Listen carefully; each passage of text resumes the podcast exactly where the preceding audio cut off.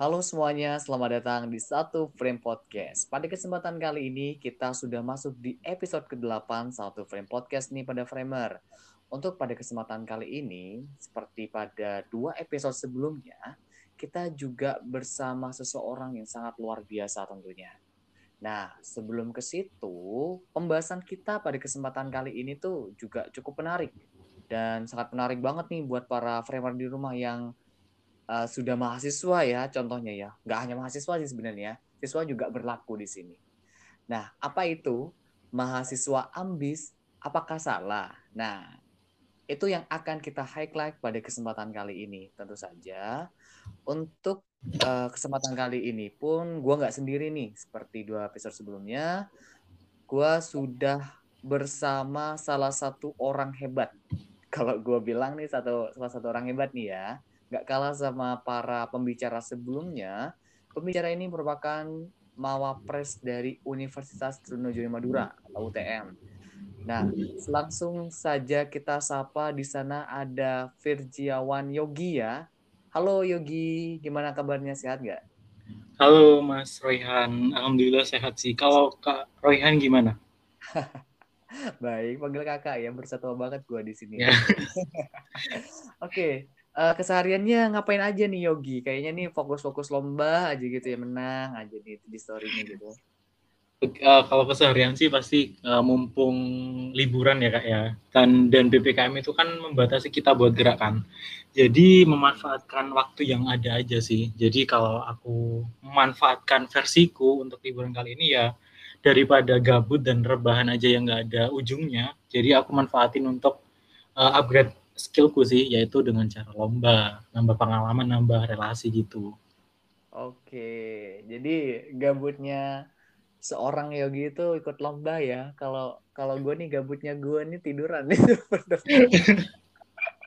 rebam gitu. Oke, buat para framer yang belum tahu tentang yogi nih, bolehlah spill dikit uh, backgroundnya yogi. Soal yogi ini siapa nih, biar teman-teman pada tahu nih, gitu.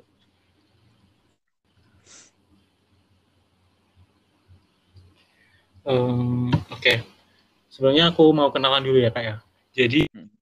sudah seperti yang kakak jelasin tadi, kalau nama aku Virgiawan Yogi bisa dipanggil Virgiawan atau Yogi sih terserah, senyamannya aja teman-teman. Dan aku kali ini masih OTW semester 5 sih memang di Teknik Industri Universitas Nusa Madura dan asalnya sendiri dari Kabupaten Gresik.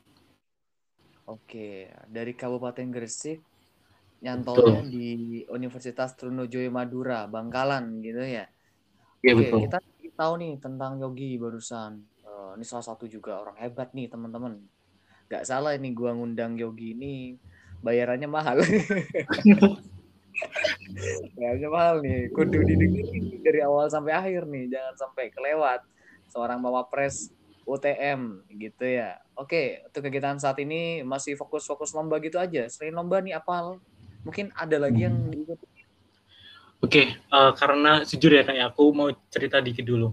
Sebetulnya ya. untuk aku yang adanya online ini ya agak apa ya sedikit agak bisa bergerak sih untuk nggak fokus kuliah aja karena kalau offline itu kan fokus praktikum dan kuliahnya kan dari Senin sampai Sabtu dan Sabtu sore sampai Minggu sore itu kan praktikum full dan Senin kembali lagi itu kan kuliah. Nah kalau offline itu ya harapannya buat pulang ke rumah jadi kalau ada online ini kan cuma sekedar uh, aku ada tugas di setor di classroom gitu-gitu kan. Jadi lebih ke kayak lebih renggang juga sih untuk masalah perkuliahan.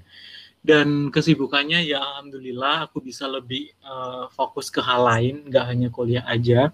Ya contoh salah satunya yang dasar ya alhamdulillah lomba. Dan kemarin aku juga dan sampai saat ini masih ikut program volunteer sih kak itu hmm. di salah satu uh, program atau media media kreatif yang memang bergerak di bidang penalaran Oke, berarti sangat produktif sekali ya bisa dikatakan seorang Virjiwan Yogi ini ya. Ikut lomba, volunteer barusan gitu. Tapi memang bener ya para framer di rumah yang kebetulan kalian anak saintek, salah satu tantangan kita ketika kita offline itu praktikumnya su abrek gitu ya ini peluang banget nih buat para saintekers ya. Saintekers yang masa pandemi ini bukan sebuah uh, kecaman ya, malah sebuah peluang besar. Ini Yogi juga memanfaatkan hal itu gitu kan ya. Nah, untuk saat ini udah di-spill dikit kalau Yogi ini mau OTW semester kelima gitu ya sebagai mahasiswa. Oke. Okay. Iya betul. Kalau kita bahas tentang mahasiswa sendiri gitu kan. Ini apa katanya mawapresnya UTM apa sih itu mahasiswa sebenarnya? Oke. Okay. Sebetulnya uh, art, apa arti mahasiswa? Sebetulnya sama aja sih dengan siswa, tapi kan di depannya ada maha. Maha kan besar, berarti tang dari segi tanggung jawab, dari segi ilmu, dari segi pola pikir, dari segi semuanya lah itu lebih apa ya? Kita itu harus punya uh, apa ya daya pikir dan daya nalar yang lebih lebih siap dibandingkan anak SMA karena kalau udah mahasiswa kan semua hal itu diuji. Bukan hanya terkait masalah mental kita atau tingkah laku kita attitude kita juga dipertimbangkan di situ. Terus habis itu apalagi ya mungkin dari segi pelajaran juga kan udah lebih berat ya dibandingkan anak siswa. Jadi kalau aku meng, apa ya mendeskripsikan mahasiswa itu ya kayak sebuah perjalanan kita sebelum benar-benar terjun ke masyarakat. Jadi kebanyakan anak yang kuliahan itu kan uh, memanfaatkan masa kuliahnya itu kan buat beda-beda ya orang ya kak ya. Jadi hmm. kalau ya mahasiswa kan ada yang kayak ya kuliah aja, terus habis itu ada yang punya punya apa ya harapan-harapan, punya mimpi di setiap semesternya. Nah itu kalau saranku ya mending buat jadi mahasiswa ya harus punya targeting gitu sih. Jadi uh, mahasiswa adalah tempat untuk kita berproses benar-benarnya itu ya saat waktu kita ada di dunia kampus gitu. Oke, jadi benar banget ya katanya Yogi tadi bahwa uh, pada posisi mahasiswa sendiri kita harus punya berpikir yang lebih gitu ya, memiliki nalar. Tadi juga disinggung sedikit terkait dengan kita diuji di sini, digodok gitu ya. Dan apa sih bentuk godokannya? Mungkin uh, sorry ini ya sedikit mungkin apa sih tantangan terbesar yang dihadapi uh, seorang yogi nih ketika mahasiswa? Tantangan, oke. Okay. Kalau terkait tantangan, uh, mungkin apa ya kak ya? Biasanya kan waktu sebelum jadi mahasiswa itu kan ada ospek ya itu mm-hmm. memang sih kalau di teknik itu mungkin teknik sama pertanian sama ya kak ya kalau semi sama saintek sih ya kan kalau saintek itu mungkin ya. Jadi nah. benar-benar dihajar dan mentalnya diuji banget. Yang awalnya memang aku anak anak rumahan terus habis itu disuruh berbaur dan lain sebagainya kan. Terus oh, tantangannya itu tadi sih seperti yang aku bilang. Bahwasanya kalau di teknik itu ya uh, apa ya bisa dikatakan 70% praktikum 30% kuliah. Jadi hmm. ada waktu free ya buat ngelaprak, buat revisi laporan gitu-gitu. Hmm. dan alhamdulillahnya ya sebetulnya untuk adanya COVID ini antara berkah dan itu sih buat aku sendiri ya pribadi untuk anak teknik yang sebetulnya kalau offline itu nggak bisa gerak. Itu menjadi suatu berkah sih buat aku. Karena yang awalnya aku cuma ngelaprak kalau offline ya ngelaprak revisi organisasi gitu-gitu toh nah saat adanya covid semuanya kayak kuliahan kan nggak harus datang kan cuma online dua jam zoom gitu. Nah kan banyak waktu free-nya waktu kosongnya. Nah waktu kosong ini aku manfaatin buat uh, ngelatih soft skillku di bidang lomba nulis-nulis terus ikut program volunteer yang online. Kalau volunteer yang mungkin uh, bisa dikatakan di luar kampus atau luar Jawa kalau offline kan nggak mungkin kan disambi sama kuliah. Nah jadi adanya uh, daring ini ya sangat-sangat harus di gitu.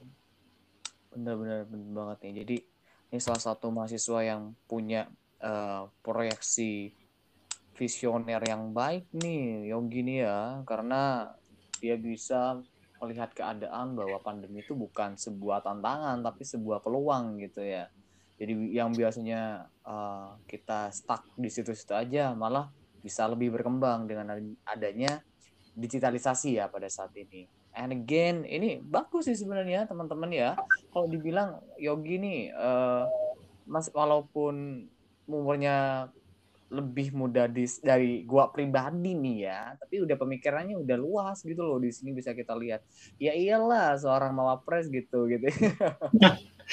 Enggak mawapres nggak luas ya salah milih dong nanti. Jadi UTM nggak salah milih nih sebagai mawapres. Dukung dua periode. enggak lagi.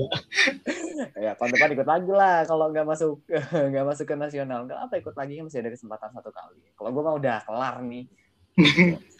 Nah, terkait dengan uh, barusan sudah disinggung dikit nih sebenarnya oleh Yogi bahwa kita sebagai mahasiswa tuh harus memiliki uh, big hope gitu, harapan yang besar atau mimpi dan kita harus punya target gitu.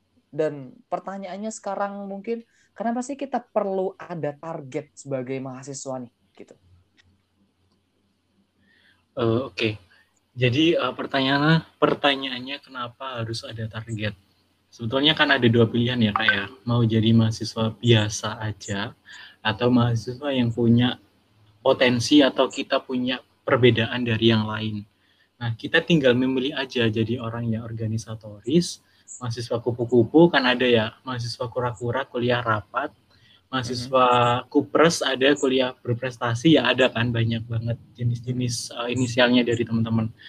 Nah sebetulnya untuk mahasiswa itu kita tinggal milih aja uh, ingin jadi mahasiswa yang seperti apa. Kalau emang kita pu punya mimpi dan punya target-target, kalau ingin kita punya kayak sebuah harapan di masa yang akan datang, ya harusnya kita harus punya inisiatif untuk mau nggak mau mengupgrading uh, diri kita sendiri Kayak hmm. misal bukan bermaksud kayak uh, ambis yang negatif ya.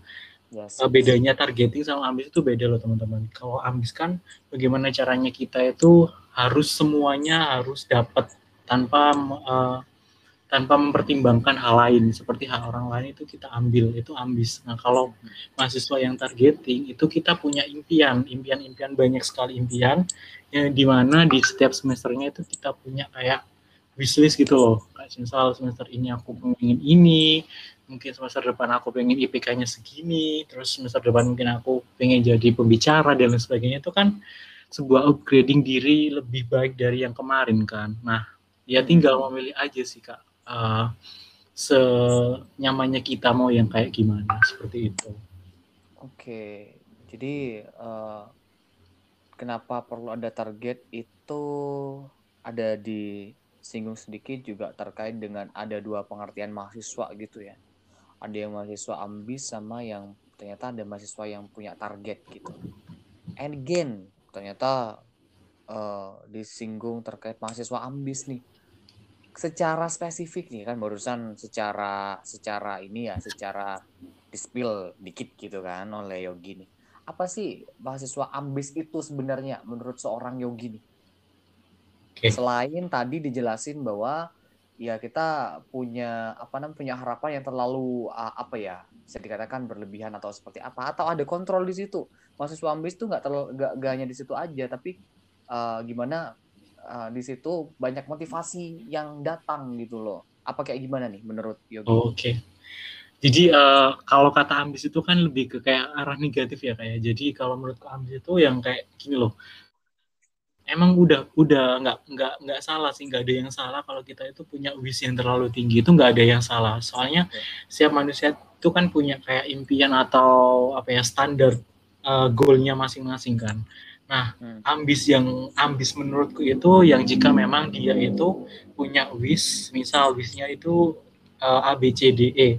Nah ternyata mungkin melihat dari teman-temannya atau sahabatnya yang memang di bawahnya skillnya di bawahnya tiba-tiba menang dan dia itu merasa kayak kesaing gitu loh kak.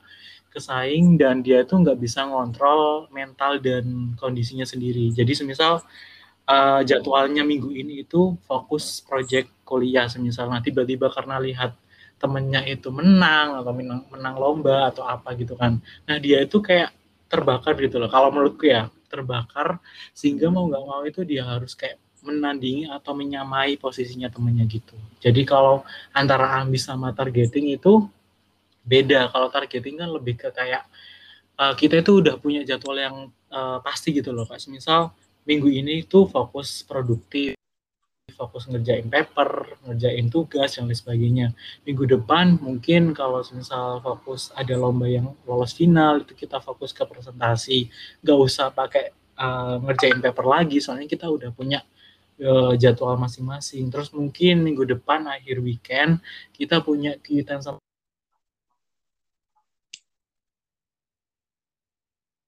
hmm kita yang kayak menang tapi kita waktu itu saatnya memang harus spread ya refreshing dan memang harus kita sama keluarga ya udah kita aja gitu nah itu bedanya ambis sama yang kayak punya target kalau menurutku gitu sih kak oke ternyata highlight yang saya dapat nih agak banyak ya para framer di rumah. Nah, kalau Yogi bolehnya Pak para pendengar kita tuh namanya framer ya. Ini oh, dari satu podcast namanya framer. Nah, kalau kalau masih bingung. Jadi para framer di rumah ini ternyata beda banget ya pengertian ambis yang kita maksud. Kalau mahasiswa ambis itu kan biasanya uh, mahasiswa yang benar-benar menggebu-gebu ketika ada target mereka mereka pasang target juga tapi terlalu berekspektasi besar gitu kan ya. Betul. Ya enggak sih? Iya, dan betul. pertanyaannya sekarang berarti uh, judul kita berubah dong. Kita berubah dong berarti mahasiswa targeting gitu ya. Mahasiswa targeting salahkah gitu ya? Tapi nggak benar gak sih? Ya udah sih biar para framer di rumah dengerin tetap aja lah mahasiswa ambis. Ternyata menurut Yogi ini mahasiswa ambis ya bukan apa namanya beda gitu ya sama mahasiswa targeting. Oke nggak apa-apa sih biar menarik untuk selanjutnya nih, ada kan disinggung tadi tuh terkait dengan jenis-jenis mahasiswa. Salah satunya juga uh, mahasiswa yang kupu-kupu gitu kan, kupres tadi sama uh, kura apa sih kuliah rapat kuliah rapat gitu kan. Nah kura-kura gitu ya. Nah buat uh, yang kupu-kupu dulu nih, kupu-kupu kalau yang terkait dengan targeting tadi bisa jadi mahasiswa yang uh, berprestasi atau yang suka ikut organisasi gitu. Kita bahas yang kupu-kupu dulu nih, Yok yang bisa dikatakan mahasiswa ini mahasiswa yang let it flow. Kita ya udah sih gue ikut alur aja gitu. Nah menurut Yogi sendiri ini gimana? Kalau ada apa namanya mahasiswa yang seperti itu yang kupu-kupu nih? Oke. Okay. kalau untuk yang mahasiswa kupu-kupu jujur ya kak sebetulnya aku semester satu juga uh, ya jujur. karena aku kan tipikal tipikal dari anak SMA yang kayak jujur keluar jarang keluar rumah sekali sekali hmm. keluar itu pun nggak nggak terlalu jauh gitu loh nah hasil kayak sangat-sangat ah ya pertama kali pertama kalinya dalam hidup untuk uh, jauh dari keluarga itu kan ya sangat berat gitu kan Nangis apalagi ya, okay. uh, ya. Oke. okay. Jujur, jujur kalau itu semester satu memang aku pernah satu minggu itu pulang dua kali saking apa ya kayak saking belum belum mungkin karena belum apa terbiasa ya jauh dari keluarga. Jadi pernah aku sampai hari Rabu sampai hari Rabu kan nggak ada kuliah. Nah Selasa sore itu pulang balik Kamis pagi terus Sabtu Sabtu pagi itu pulang balik Senin pagi itu ya Allah sumpah. Itu dua kali dalam seminggu itu aku kupu-kupu banget dan tapi karena kan alhamdulillahnya kan aku dari SMA kan udah ada kegiatan kayak KIR gitu kan kelompok ilmiah remaja. Nah jadi sebetulnya dari SMA itu udah belajar KTI malah aku nggak aku malah kenal ISAI itu ya waktu semester satu gara-gara katingku menang ISAI. Malah aku yang belajar itu aku belajar KTI dulu. Nah, hmm. hmm, hmm. kala itu ada kan ikut di OKM di teknik itu kan di fakultas terkait. Uh, apa kayak sejenis lomba internal gitu. Nah, ikut alhamdulillah juara. Nah, di juara itu aku revisi coba-coba ikutan apa ya lomba di di Udayana kala itu. Dan alhamdulillah ternyata masuk finalis. Dan waktu itu offline dan apa ya ya seneng ya? Tapi bedanya itu di situ aku kuliah pulang tapi ya ada kayak aja sih sama teman-temanku. Yang mungkin mereka ada yang udah sangat sibuk organisasi aku ya kuliah pulang ikut lomba gitu sih. Dan semester 2 semakin seperti itu. Hmm.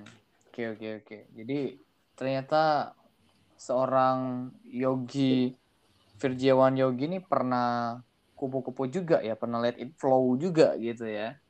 Ternyata seorang kupu-kupu terus bermetamorfosa ya para para para di rumah. Dan jadilah pada saat ini seorang Firjiwan Yogi Mawapres UTM gitu dan berbicara di satu frame podcast gila nggak sih? This is so amazing moment nggak sih sebenarnya? Kita melihat atau flashback ke belakang oh iya ya ternyata eh, perjuangan gue udah sejauh ini dan kayak gue luar biasa nggak sih? Dan lu kayak harus ngasih apresiasi ke diri lo sendiri gitu loh.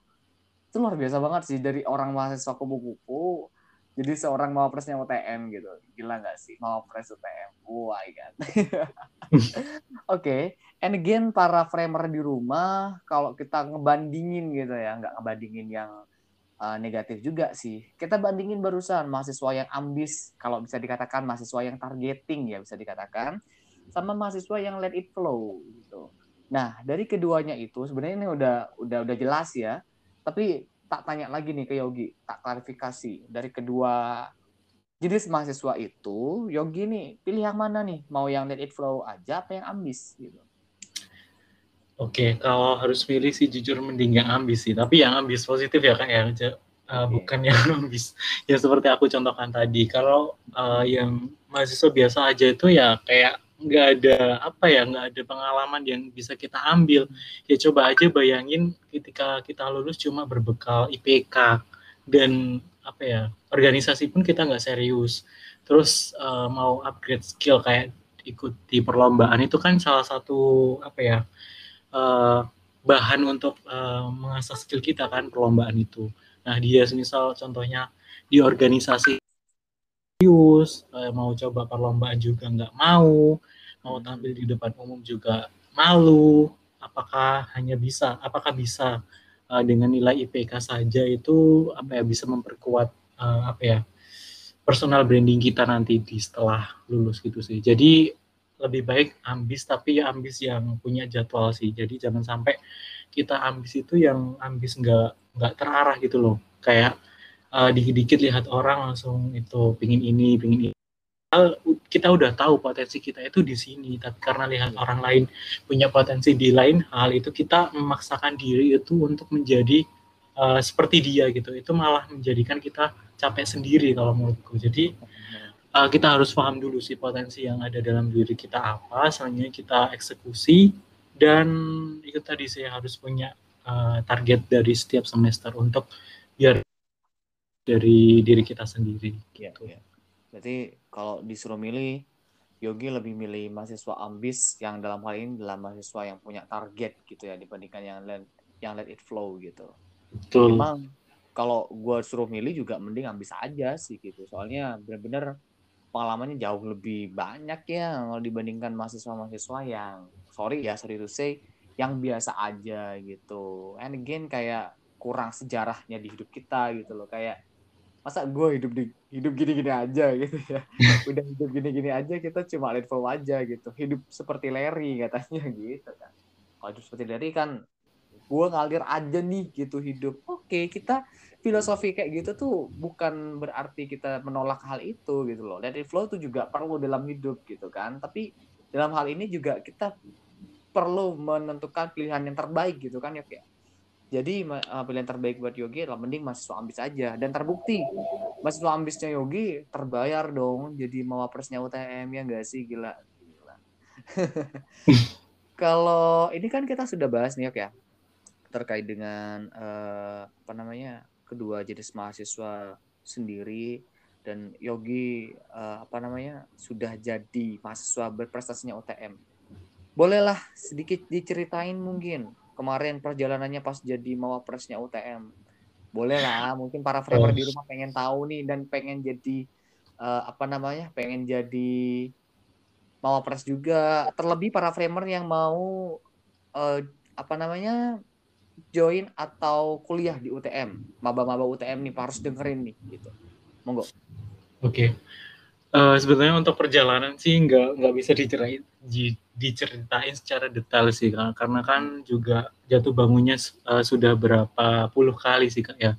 Sebetulnya jujur untuk perjalanan prosesku aja sih lebih tepatnya. Yes, yes. Jadi uh, prosesku itu dimulai dari SMA kelas 1 sih memang. Di mana sih itu kan aku tipikal orang yang uh, apa ya sangat tertutup gitu loh, yang enggak apa ya dikit-dikit malu dikit-dikit sungkan dideketin teman-teman aja. Entah itu cewek cowok itu pun aku kayak merasa asing gitu loh. Lebih suka menyendiri. Nah di situ waktu itu waktu pertama kali itu di di apa ya direkomendasikan lomba gitu loh di kabupaten untuk lomba ya lomba kesehatan gitu sih. Dan ada salah satu penilainya itu kayak harus memberikan sebuah apa pidato gitu sih. Pidato tentang pemaparan materi salah satu materi dan hal tersebut sangat menantang dan menjadi momokku. Pertama itu aku merasa kayak ini bukan aku gitu loh. Karena tipikal aku orang yang nggak nggak pernah ngomong di depan umum nggak pernah jarang ngomong gitu lah intinya. Kalau tiba-tiba disuruh ngomong di depan uh, puluhan mata yang lihat apalagi dinilai. Dan saat itu dapat harapan kan harapan dua putra dan semakin bertambahnya kelas atau bertambah tahun itu dan alhamdulillah kan uh, masuk di tukir tadi di SMA Kir dan ternyata alhamdulillah diamanai untuk jadi ketua umum kan waktu kelas 11 dan sampai kelas 12 terus lulus dan memilih UTM. Nah, kenapa memilih UTM itu sebetulnya di semua kampus itu sama aja sih Kak Rehan karena menurut aku itu bagaimana kita itu enjoy aja memilih prodinya bukan univnya yeah. karena kalau kita memilih unifnya tetapi prodinya kita nggak nyaman itu bakalan kita yang kayak rugi sendiri gitu loh. Ngejalanin kuliahnya itu yang berat. Jadi aku yang pertama emang niat prodinya sih. Aku emang disuruh ambil teknik. Dan kala itu langsung semester satu dan nemuin komunitas public speaking dan soft skill hmm. itu tadi sangat bekal dari SMA itu sangat kerasa banget. Bekal SMA itu aku bawa ke mahasiswa jadi mahasiswa dari bekal public speaking dan bekal uh, nulis KTI itu aku terjun ke ke komunitas atau forum yang sama yaitu dua ada dua yaitu UKM kepenalaran dan komunitas public speaking UNIF. Dan dari situ aku banyak belajar hal baru, ketemu cutting dan alhamdulillah kan di itu kan satu event ya kak ya sama kak Royhan. Mm-hmm. Dan iya, iya. dan iya, alhamdulillah bisa bisa sharing kan dengan kak Royhan sampai sekarang dan banyak kenal juga dari teman-teman kating-kating universitas lain, Universitas Indonesia, UGM, ITB dan ITS dan lain sebagainya. Dari hal tersebut, dari kegagalan-kegagalan itu aku belajar sih kayak uh, apa ya presentasiku uh, kurangnya tadi apa, koreksinya juri itu pasti terkait ideku itu apa. Terus biasanya kalau lomba-lomba itu kan ada kayak presentasi dari teman-teman finalis lain. Nah itu aku bisa aku jadikan kayak ya, bahan bahan revisiku gitu loh. Oh sebetulnya untuk presentasi yang baik itu seperti ini. Oh juri itu mintanya paper yang kayak gini. Oh juri itu tertarik yang kayak gini. Nah mungkin dari semakin banyaknya jam terbang, uh, baik itu aku jatuh, baik itu aku bangun, itu aku jadikan sebuah apa ya evaluasi gitu sih kak. Dan tepatnya semester uh, tiga empat. Jujur aku nggak ada niatan buat mawapres unif. Demi allah aku nggak nggak punya wish atau nggak ada apa ya nggak ada pandangan buat mawapres unif. Cuma aku ada target yaitu juara lah juara di mawapres fakultas aja. Itu semester 6 targetku itu semester 6 aku harus maju di mawapres fakultas. Dan yeah. sem uh, dan sempat apa ya dan sempat aku kan uh, ceritakan ke Kak Raihan terkait Mas aku lo iya. nggak jago Inggrisnya cuma cuma bisa basic-basic tau nggak nggak nggak nggak ya, yeah. aku nggak terlalu jago Mas gimana gimana. Nah terus habis itu nyoba kan fakultas maju ke fakultas ditambah dorongan dari teman-teman prodiku wis maju maju aja nanti dibimbing gitu. Maju akhirnya. Dan alhamdulillah juara satu dan gak nyangka makili makili fakultas ke univ nah itu jujur ya Allah itu jujur aku sampai badanku anget gara-gara mikirin presentasi. Yang kayak gimana kan jurinya kan ada tujuh ya mas ya? Itu jurinya oh, ada iya. tujuh. Jadi kan ada tujuh fakultas. Nah itu dari setiap fakultas itu ada satu perwakilan juri gitu loh. Ya bayangin aja satu satu peserta itu dilibas tujuh juri. Nah itu. Coba aku waktu itu aku kayak uh, ya udahlah Bismillah dan bekal itu tadi aku belajar belajar Inggris pun itu ya. Yang penting yakin lah yang penting aku bisa ngomong ya udah dan jelasin presentasi pakai Inggris. Ya udah Bismillah. Mungkin ya karena pengalaman sertifikat dan pengalamanku sebelum sebelumnya itu alhamdulillah bisa kayak mendukung poin gitu sih kak. Kayak misal sertifikat yeah, yeah. juara dan lain sebagainya.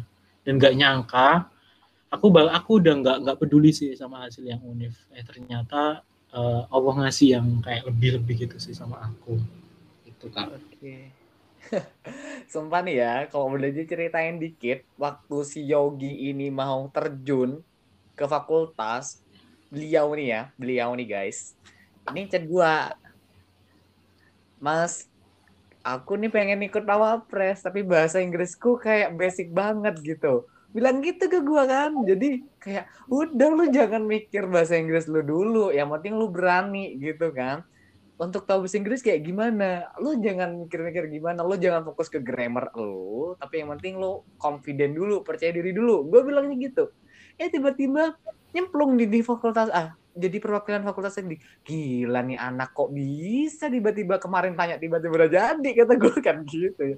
Tiba-tiba moro-moro jadi mau presnya UTM mantap lah kata saya gitu. Jadi memang uh, kalau dibilang tuh skenario Tuhan tuh uh, luar biasa sih para framer di rumah.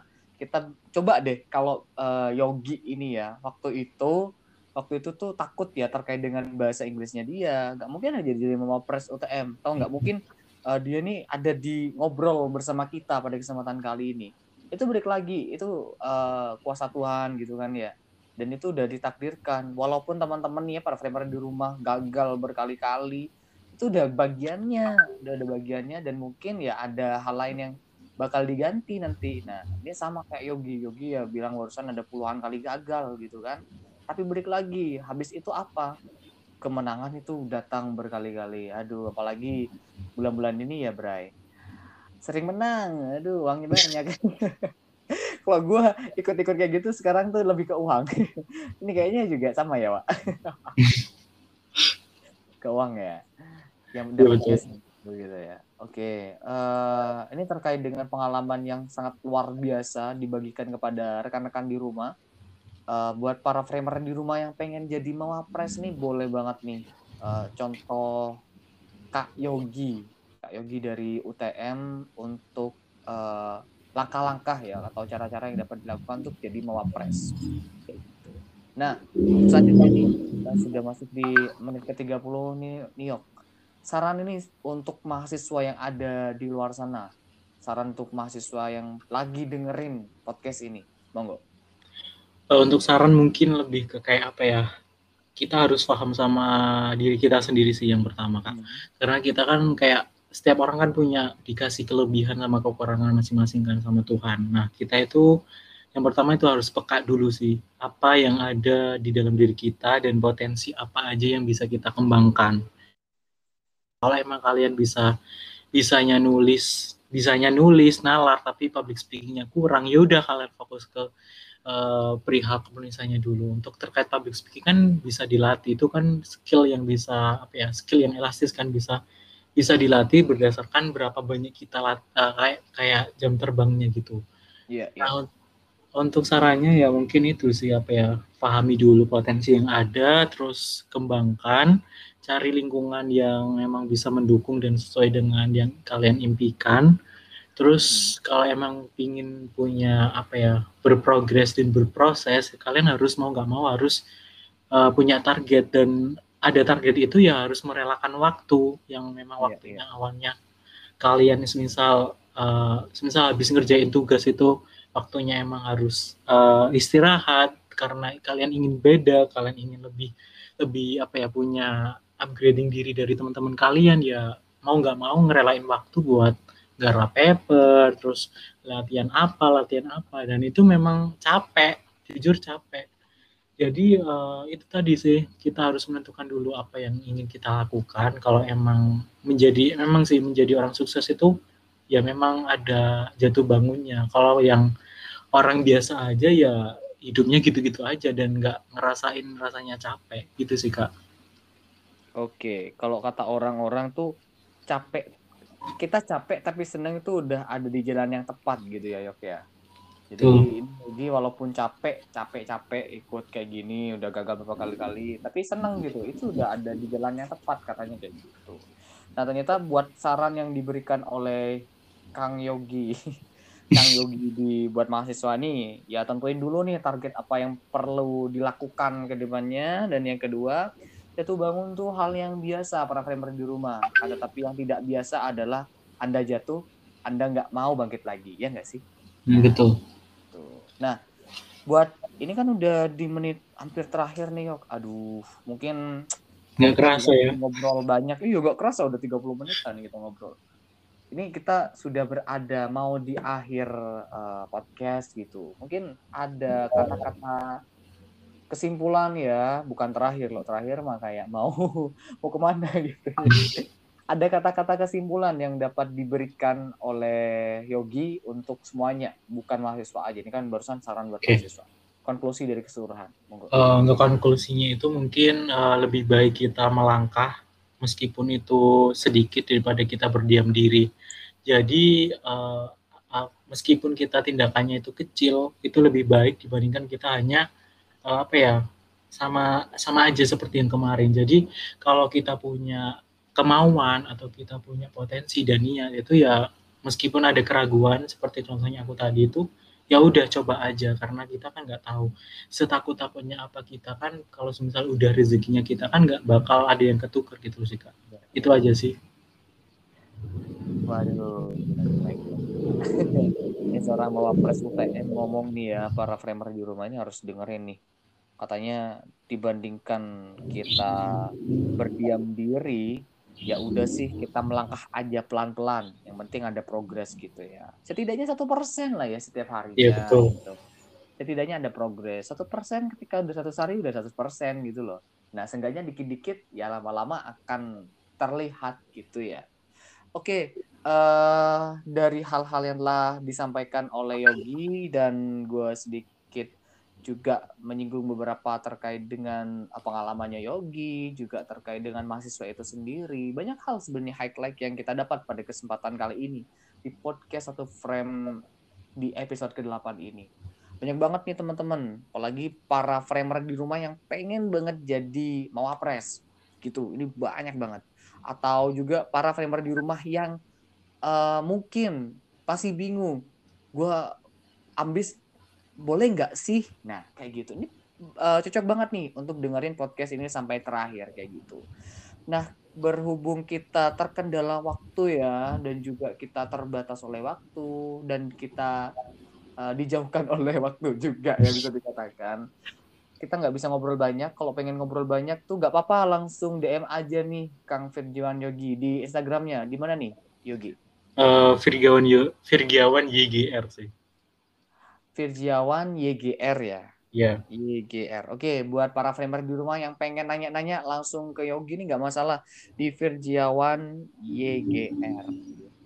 Nah, jangan lupa juga spill apabila ada beberapa eh, tema-tema uh, yang menarik langsung saja DM di satu frame podcast buat para framer di rumah dan kita juga terbatas oleh waktu kalau lama-lama juga nggak enak ya kalau nggak lama-lama nggak enak ngobrolnya gitu ya, istilahnya yang dengerinnya. Dan yang penting poin-poin yang ingin kita ketahui ini nyampe gitu ya.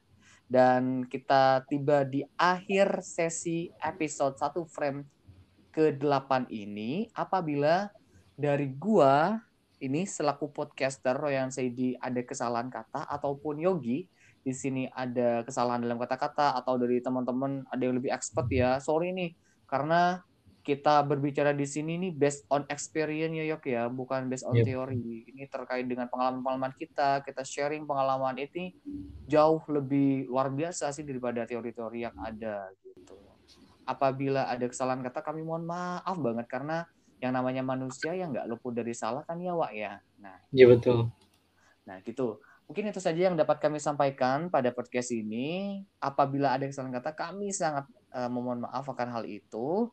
Terima kasih untuk para framer di rumah yang sampai detik ini nih masih dengerin pod, uh, dengerin podcast ini dan see you next episode. Dadah. Terima kasih Yogi. Sama-sama. Semangat ya.